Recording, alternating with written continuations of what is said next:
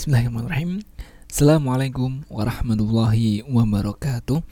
Alhamdulillah, alhamdulillah rabbil alamin Wassalatu wassalamu ala rasulillah mabatu Sahabat Quran di mana pun anda berada Masih di 99.9 FM Radio Karimah sahabat anda belajar Al-Quran dalam program Makon Majelis Tanya Jawab Seputar hukum-hukum keislaman bersama Syekh Abdul Qadir Abdul Muiz Dan juga para mutajim kita Yang pada kesempatan ini ada beliau yaitu Ustadz Imam Maliki yang alhamdulillah pada kesempatan hari ini sudah hadir untuk membahas materi sebelumnya yang belum selesai berkaitan dengan apakah anak yang berumur sekitar 10 tahun sudah dianggap sebagai mahram di bagian ketiga ini.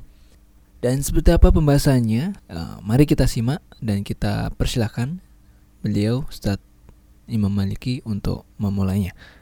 Kepada Syekh Abdul Qadir dan juga Ustadz Imam Maliki تفضل مشكور السلام عليكم ورحمة الله وبركاته إن الحمد لله نحمده ونستعينه ونستغفره ونعوذ بالله من شرور أنفسنا ومن سيئات أعمالنا من يهده الله فلا مضل له ومن يضلل فلا هادي له أشهد أن لا إله إلا الله وحده لا شريك له وأشهد أن محمدا عبده ورسوله لا نبي بعده Taib ikhwani fidin rahimani wa rahimakumullah Kita lanjutkan kembali uh, pertanyaan yang kemarin insya Allah akan dilanjutkan pada hari ini bersama beliau Syekh uh, Isam Abdul Qadir kepada beliau waktu dan tempat kami persilakan. Assalamualaikum warahmatullahi wabarakatuh. Waalaikumsalam warahmatullahi Bismillahirrahmanirrahim. Alhamdulillahi rabbil alamin. Salatu wassalamu ala ashrafil khalqi atharuhum azkahum wa anqahum Muhammad ibn Abdullah sallallahu alaihi wasallam. الرحمة المهداة والنعمة المسداة والسراج المنير البشير والنذير اللهم أحينا على سنته وأمتنا على ملته وارزقنا شفاعته وأرفقنا صحبته في الفردوس الأعلى ومتعنا بلذة النظر إلى وجهك الكريم. اللهم آمين يا رب العالمين. أما بعد. اللهم سلمني وسلم مني. اللهم سلمني وسلم مني. اللهم سلمني وسلم مني. أما بعد. وكنا نتكلم في الصبي المميز. هل يكون محرما أم غير محرم. وقلنا أن المذاهب الفقهية اختلفوا في ذلك. فقال الحنفية كما جاء في كتاب البحر الرائق أن الطفل أو الصبي المميز الصبي المميز وهو المقصود به الصبي الذي لم يبلغ أو قبل مرحلة البلوغ وهو ما كان سنه فوق عشر سنوات عندهم. ما كان سنه فوق عشر سنوات حتى خمسة عشر سنة. قالوا ولا يجوز سفر المرأة. والمقصود بالسفر هو السفر البعيد لأننا تكلمنا في هذا قبل ذلك. الذي فوق ثلاث ليالي. فقالوا لا يجوز المرأة أن تسافر فوق ثلاث ليال.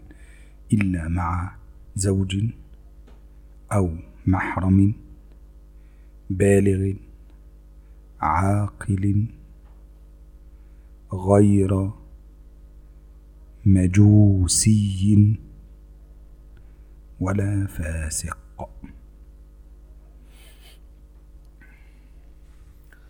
Taib, Alhamdulillah uh, kemarin beliau sudah membahas tentang uh, kedudukan anak ya, yang balik uh, seperti apakah yang sudah boleh menemani seseorang safar. Maka di sini disebutkan as-sobi al-mumayyiz ya. Apakah dia itu diperkenankan ya untuk menemani uh, seseorang ya atau mungkin saudaranya, kakaknya dalam safar. Maka di sini disebutkan anak kecil yang sudah mumayyiz, dia bisa membedakan ya mana yang benar mana yang salah. Tetapi memang umurnya itu belum sampai 10 tahun. Atau mungkin di bawah 10 tahun. Gitu ya.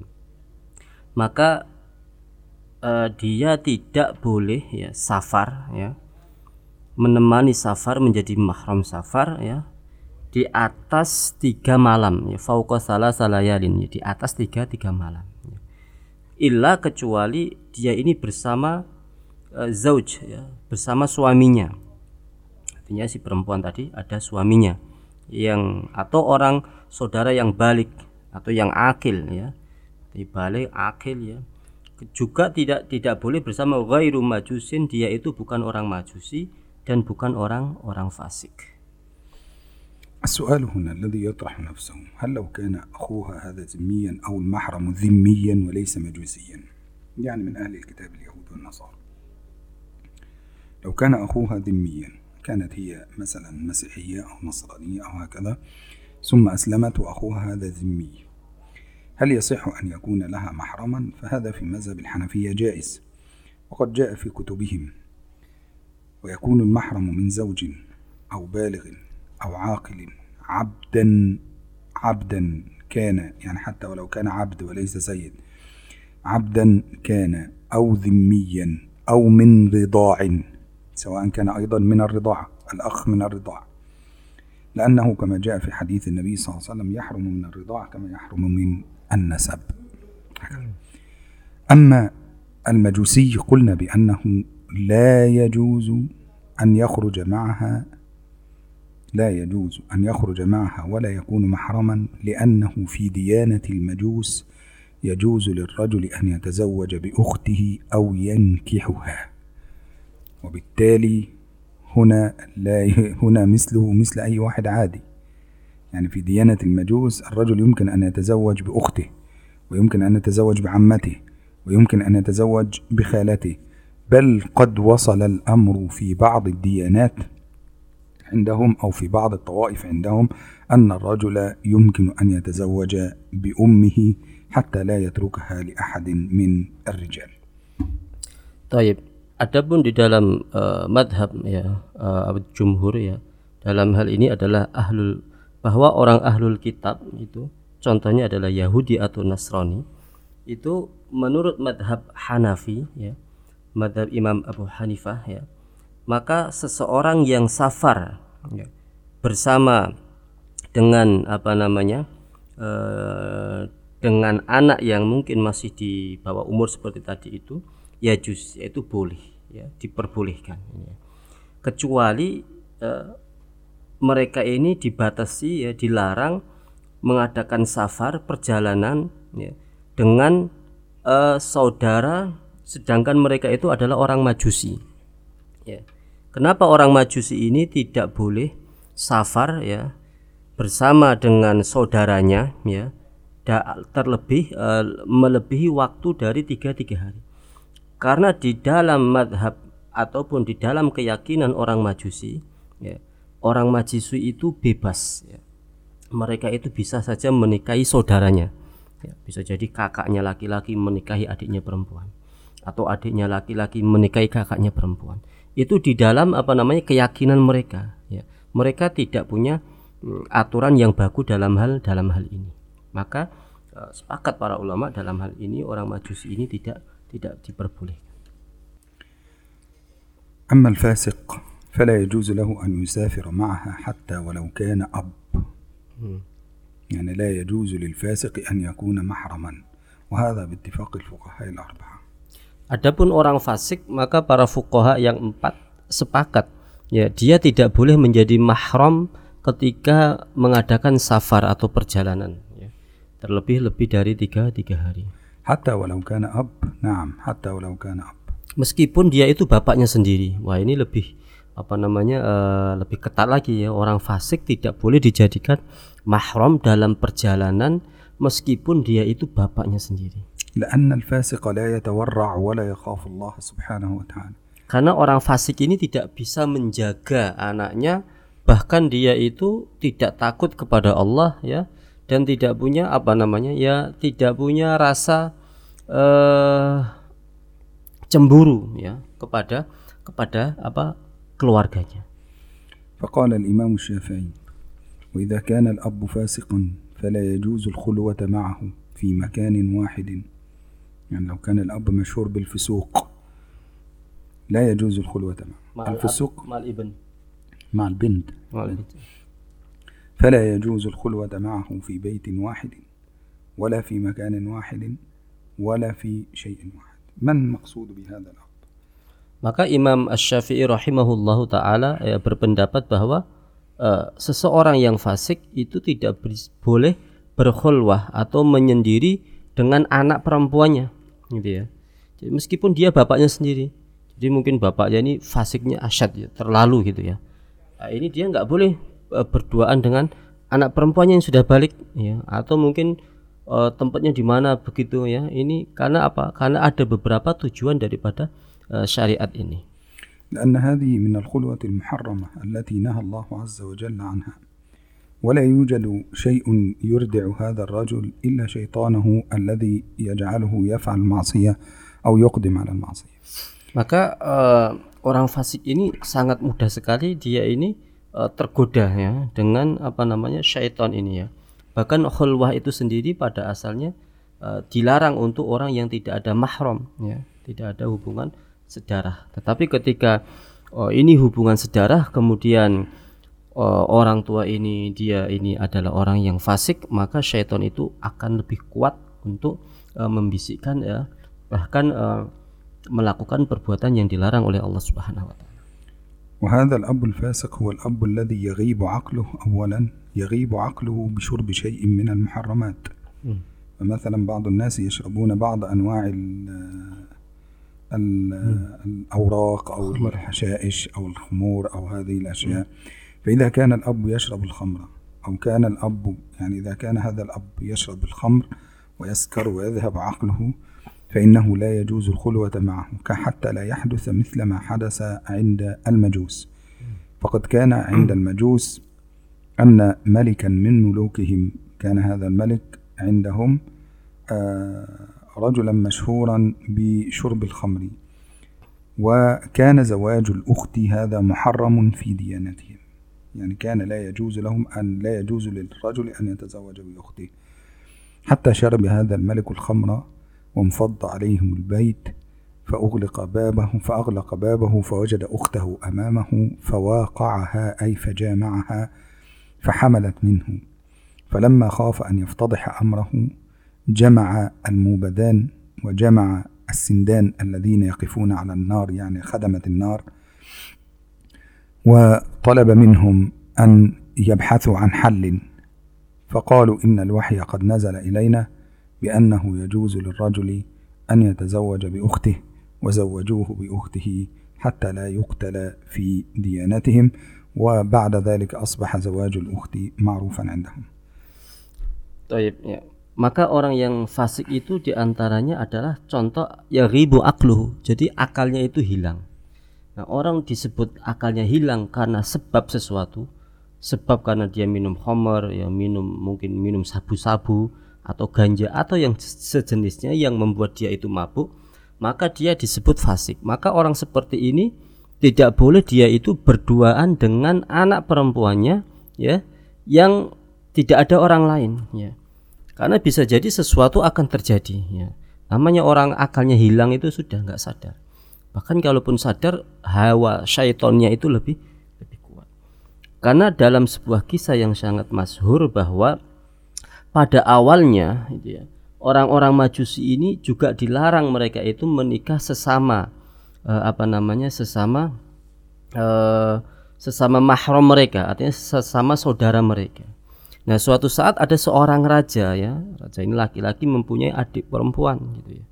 Kemudian dia itu apa namanya minum khamr, kemudian masuk kamar dan mendapati adiknya dan terjadilah di situ hubungan e, suami istri seolah-olah suami istri padahal itu adalah adiknya.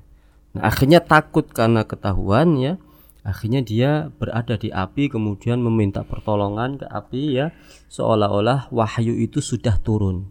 Ya dengan turunnya wahyu itu dia mengatakan apa sesungguhnya kita diperbolehkan untuk menikahi uh, saudara kita nah di situlah uh, keyakinan orang-orang majusi itu di, dibentuk akhirnya mereka membuat satu keyakinan orang-orang majusi itu uh, diperbolehkan menikahi saudara-saudara mereka sendiri. وبالتالي فإننا ننظر أولا هل هذا الأب يشرب الأشياء التي تجعله يغيب عن العقل أم لا؟ فإن كان يشرب الأشياء التي تغيب عن العقل فهذا في مذهب الشافعية لا يجوز للمرأة أن تظهر أي شيء من عورتها أمامه فلا يجوز أن تظهر شيئا أمامه ويعامل مثله مثل الغريب ولا يجوز له الخلوة بها. ولا يجوز له الخلوة بها فلا يرى منها إلا وجهها وكفيها وإن كان وجهها وكفيها سيؤدي إلى الفتنة فلا يرى منها شيئا. هذا بالنسبة إليه إذا كان فاسق وهذا بالنسبة إلى الأب. أما إن كان أخا فالأخ لا يجوز الخلوة مع الأخ الفاسق الذي لا يراعي الله سبحانه وتعالى سواء كان مراهقا سواء كان مراهقا.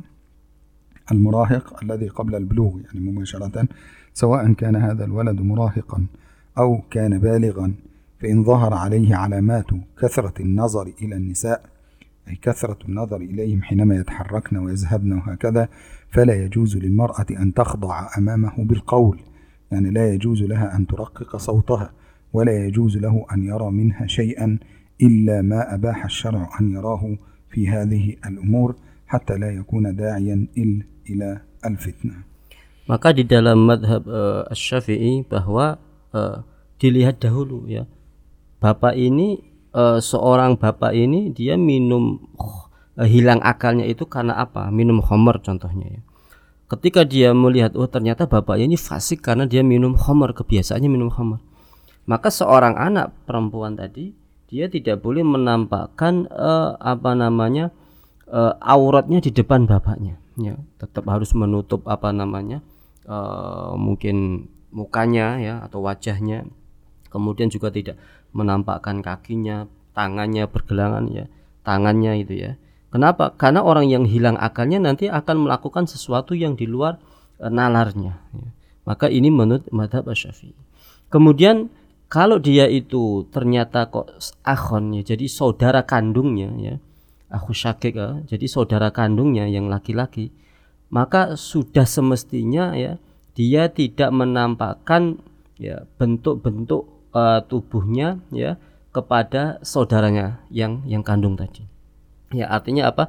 Tetap menutup sem, uh, aurat secara secara sempurna ya. Meskipun wajah mungkin uh, dia boleh membukanya ini.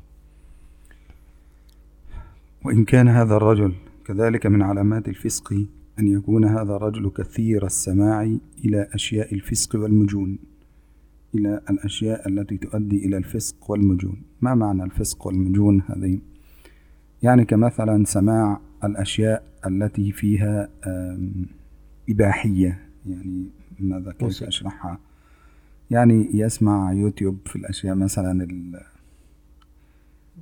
الخاصة بالرجال والنساء.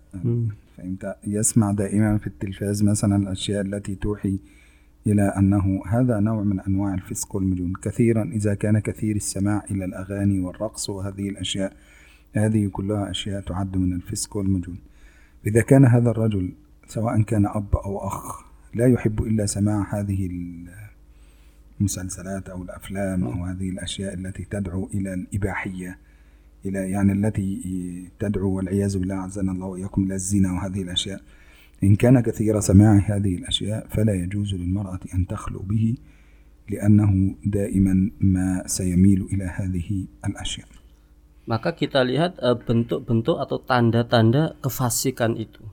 Di antara tanda-tanda tadi mungkin pernah kita sebutkan tadi ya bahwa mungkin seseorang itu sering minum khamar ya.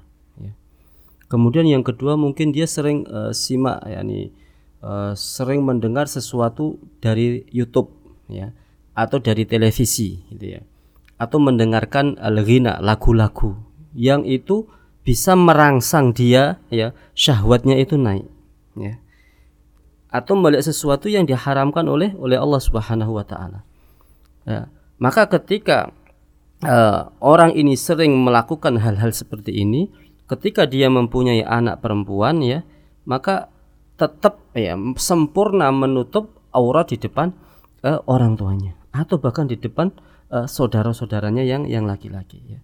Kenapa? Ya ini uh, untuk apa antisipasi sadad daroe. Jadi antisipasi supaya tidak terjadi hal-hal yang dilarang oleh oleh Allah Subhanahu wa taala.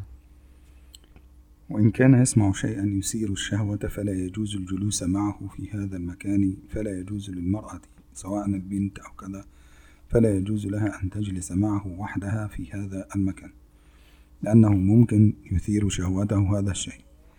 وهو ليس عنده إلا باعث الشيطان الذي يحرك شهوته بسماعه لهذه الأشياء فإنه يكون أسهل إلى ارتكاب الفاحشة. وقد أمر الله سبحانه وتعالى المؤمنين بأن يغضوا أبصارهم. قال وقل للمؤمنين يغضوا من أبصارهم قل للمؤمنين يغضوا من أبصارهم ويحفظوا فروجهم. قال وقل للمؤمنات يغضضن من أبصارهن فهي مأمورة بغض البصر وهو مأمور بغض البصر حتى يغلق باب الشيطان من بدايته. فبالتالي لا يجوز أن يجلس أو تجلس معه فتسمع شيئا يثير شهوتها أو يثير شهوته لأنه في هذه اللحظة لا يسيطر عليه إلا شيطانه ونفسه وهواه وبالتالي قد يؤدي ذلك بينهم إلى ارتكاب المحرم وكل ما يؤدي إلى المحرم كل ما يؤدي إلى المحرم فهو محرم Taib, ya. Jadi sesuatu yang mengarah atau menunjukkan kepada yang haram, maka wasilah itu menjadi menjadi haram, tidak boleh ya. Maka dalam hal ini eh, tidak boleh seorang anak perempuan yang sudah balik, yang sudah besar ketika mendapati mungkin dalam keluarga itu bapaknya ya atau saudara laki-lakinya gitu ya. Itu eh, sering melakukan perbuatan atau hal-hal yang eh, kefasikan maka dilarang baginya untuk berduaan ber- bersamanya ya. Karena eh, Allah Subhanahu wa taala memerintahkan apa? Kullil mu'minina yaghudduna min absarihim. Untuk orang-orang yang beriman diperintahkan oleh Allah untuk menjaga pandangan matanya. Begitu pula untuk orang yang mukminah, ya, orang yang eh, beriman dari kalangan kaum mukmin mukminah ya. Juga sama untuk menundukkan pandangannya. Kemudian tidak melemah lembutkan eh, suaranya di depan orang-orang yang eh, di di luar apa muhrimnya. هذا بالنسبة إلى المذهب الأول وهو مذهب الحنفية الذين قالوا بأن الصبي إذا كان مميزا عندهم أن الصبي المميز قالوا بأن والصبي المميز هو مثل البالغ العاقل يعني هو مثل البالغ العاقل.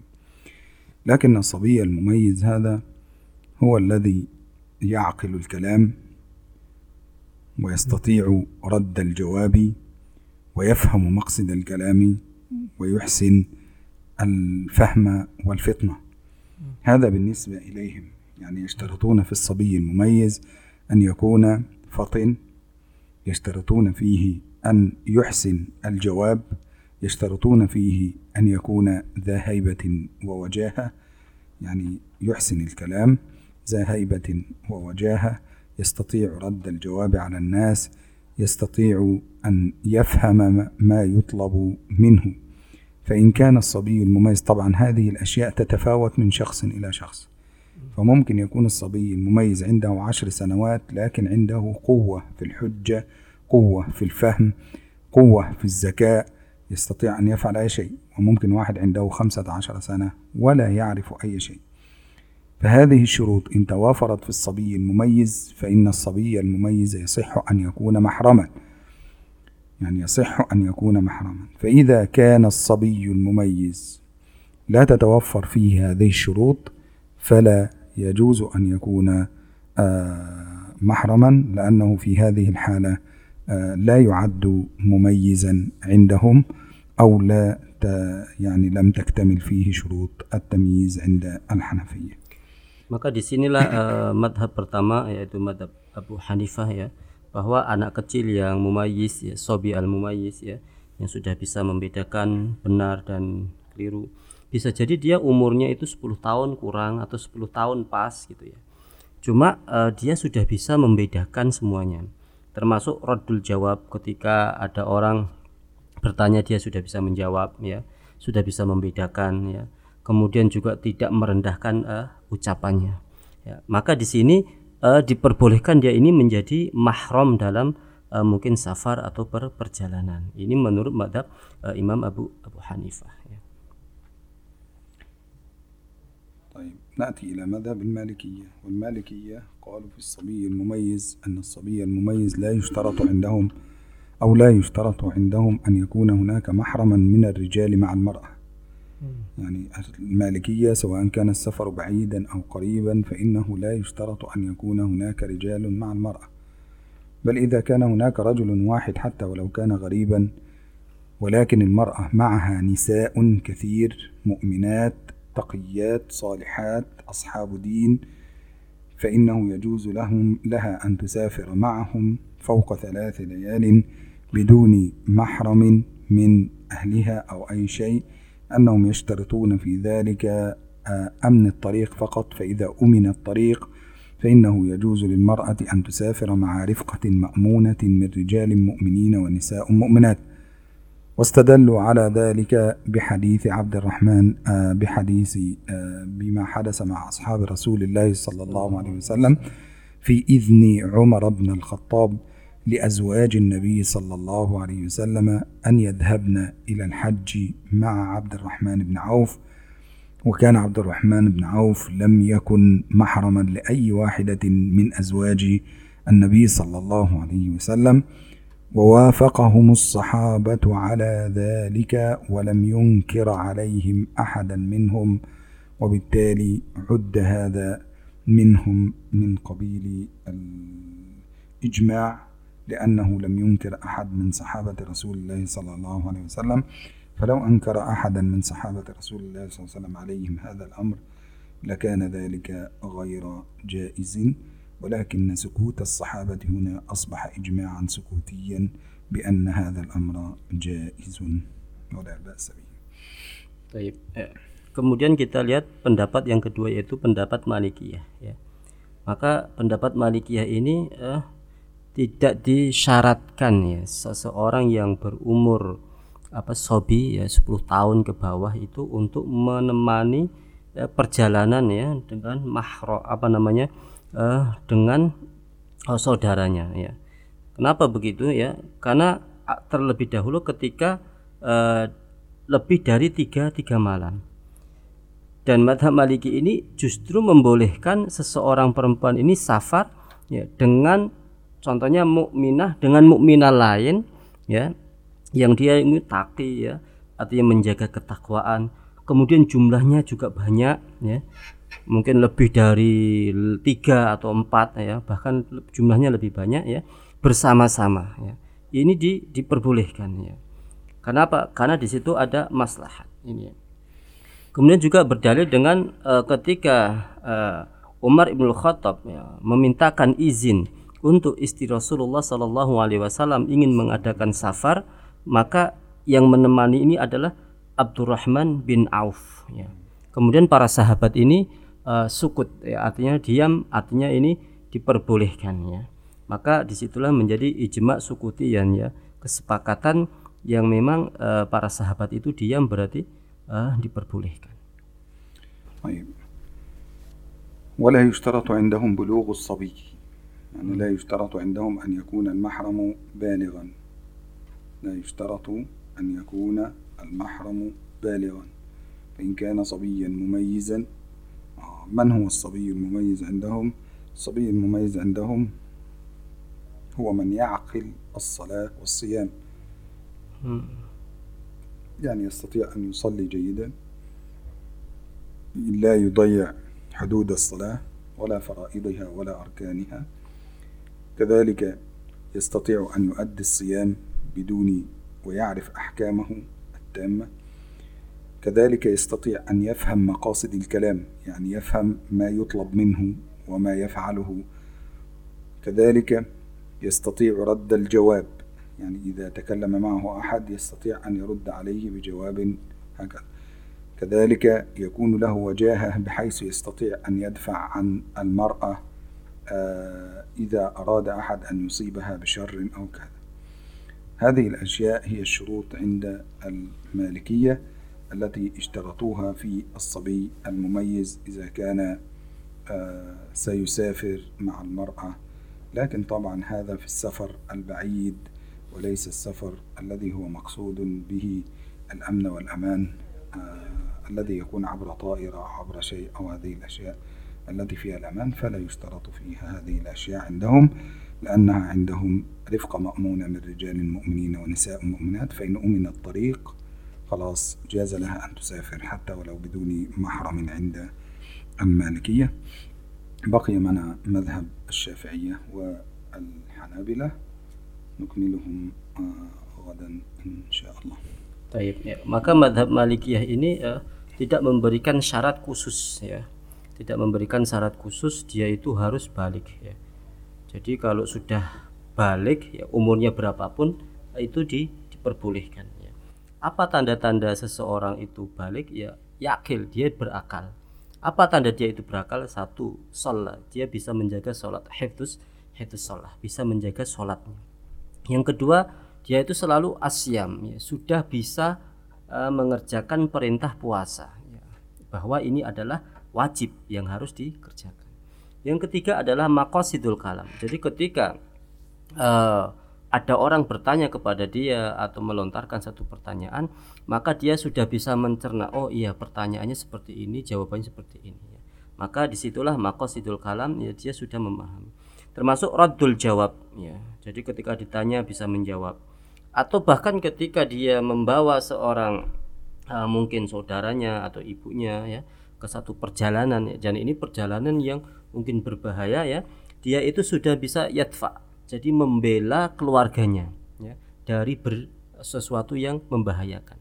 Maka ini e, diperbolehkan ya. Dia apa safar dengan e, dengan saudara atau e, ibunya ini ini otomatis ketika safar dalam hal kondisi yang tidak aman ya, berbeda pada zaman sekarang ini ya pada zaman kita sekarang ini safar dalam kondisi aman kecuali memang diprediksi oh iya nanti di daerah ini daerah ini tidak aman maka kita persiapan membawa uh, saudara-saudara kita itu tidak mengapa. Tayyib uh, insya Allah masih ada dua ya uh, kali pertemuan insya Allah besok kita akan lihat bagaimana madhab uh, dari madhab uh, imam yang yang lainnya. Jazakallah khair. Uh, Assalamualaikum warahmatullahi wabarakatuh.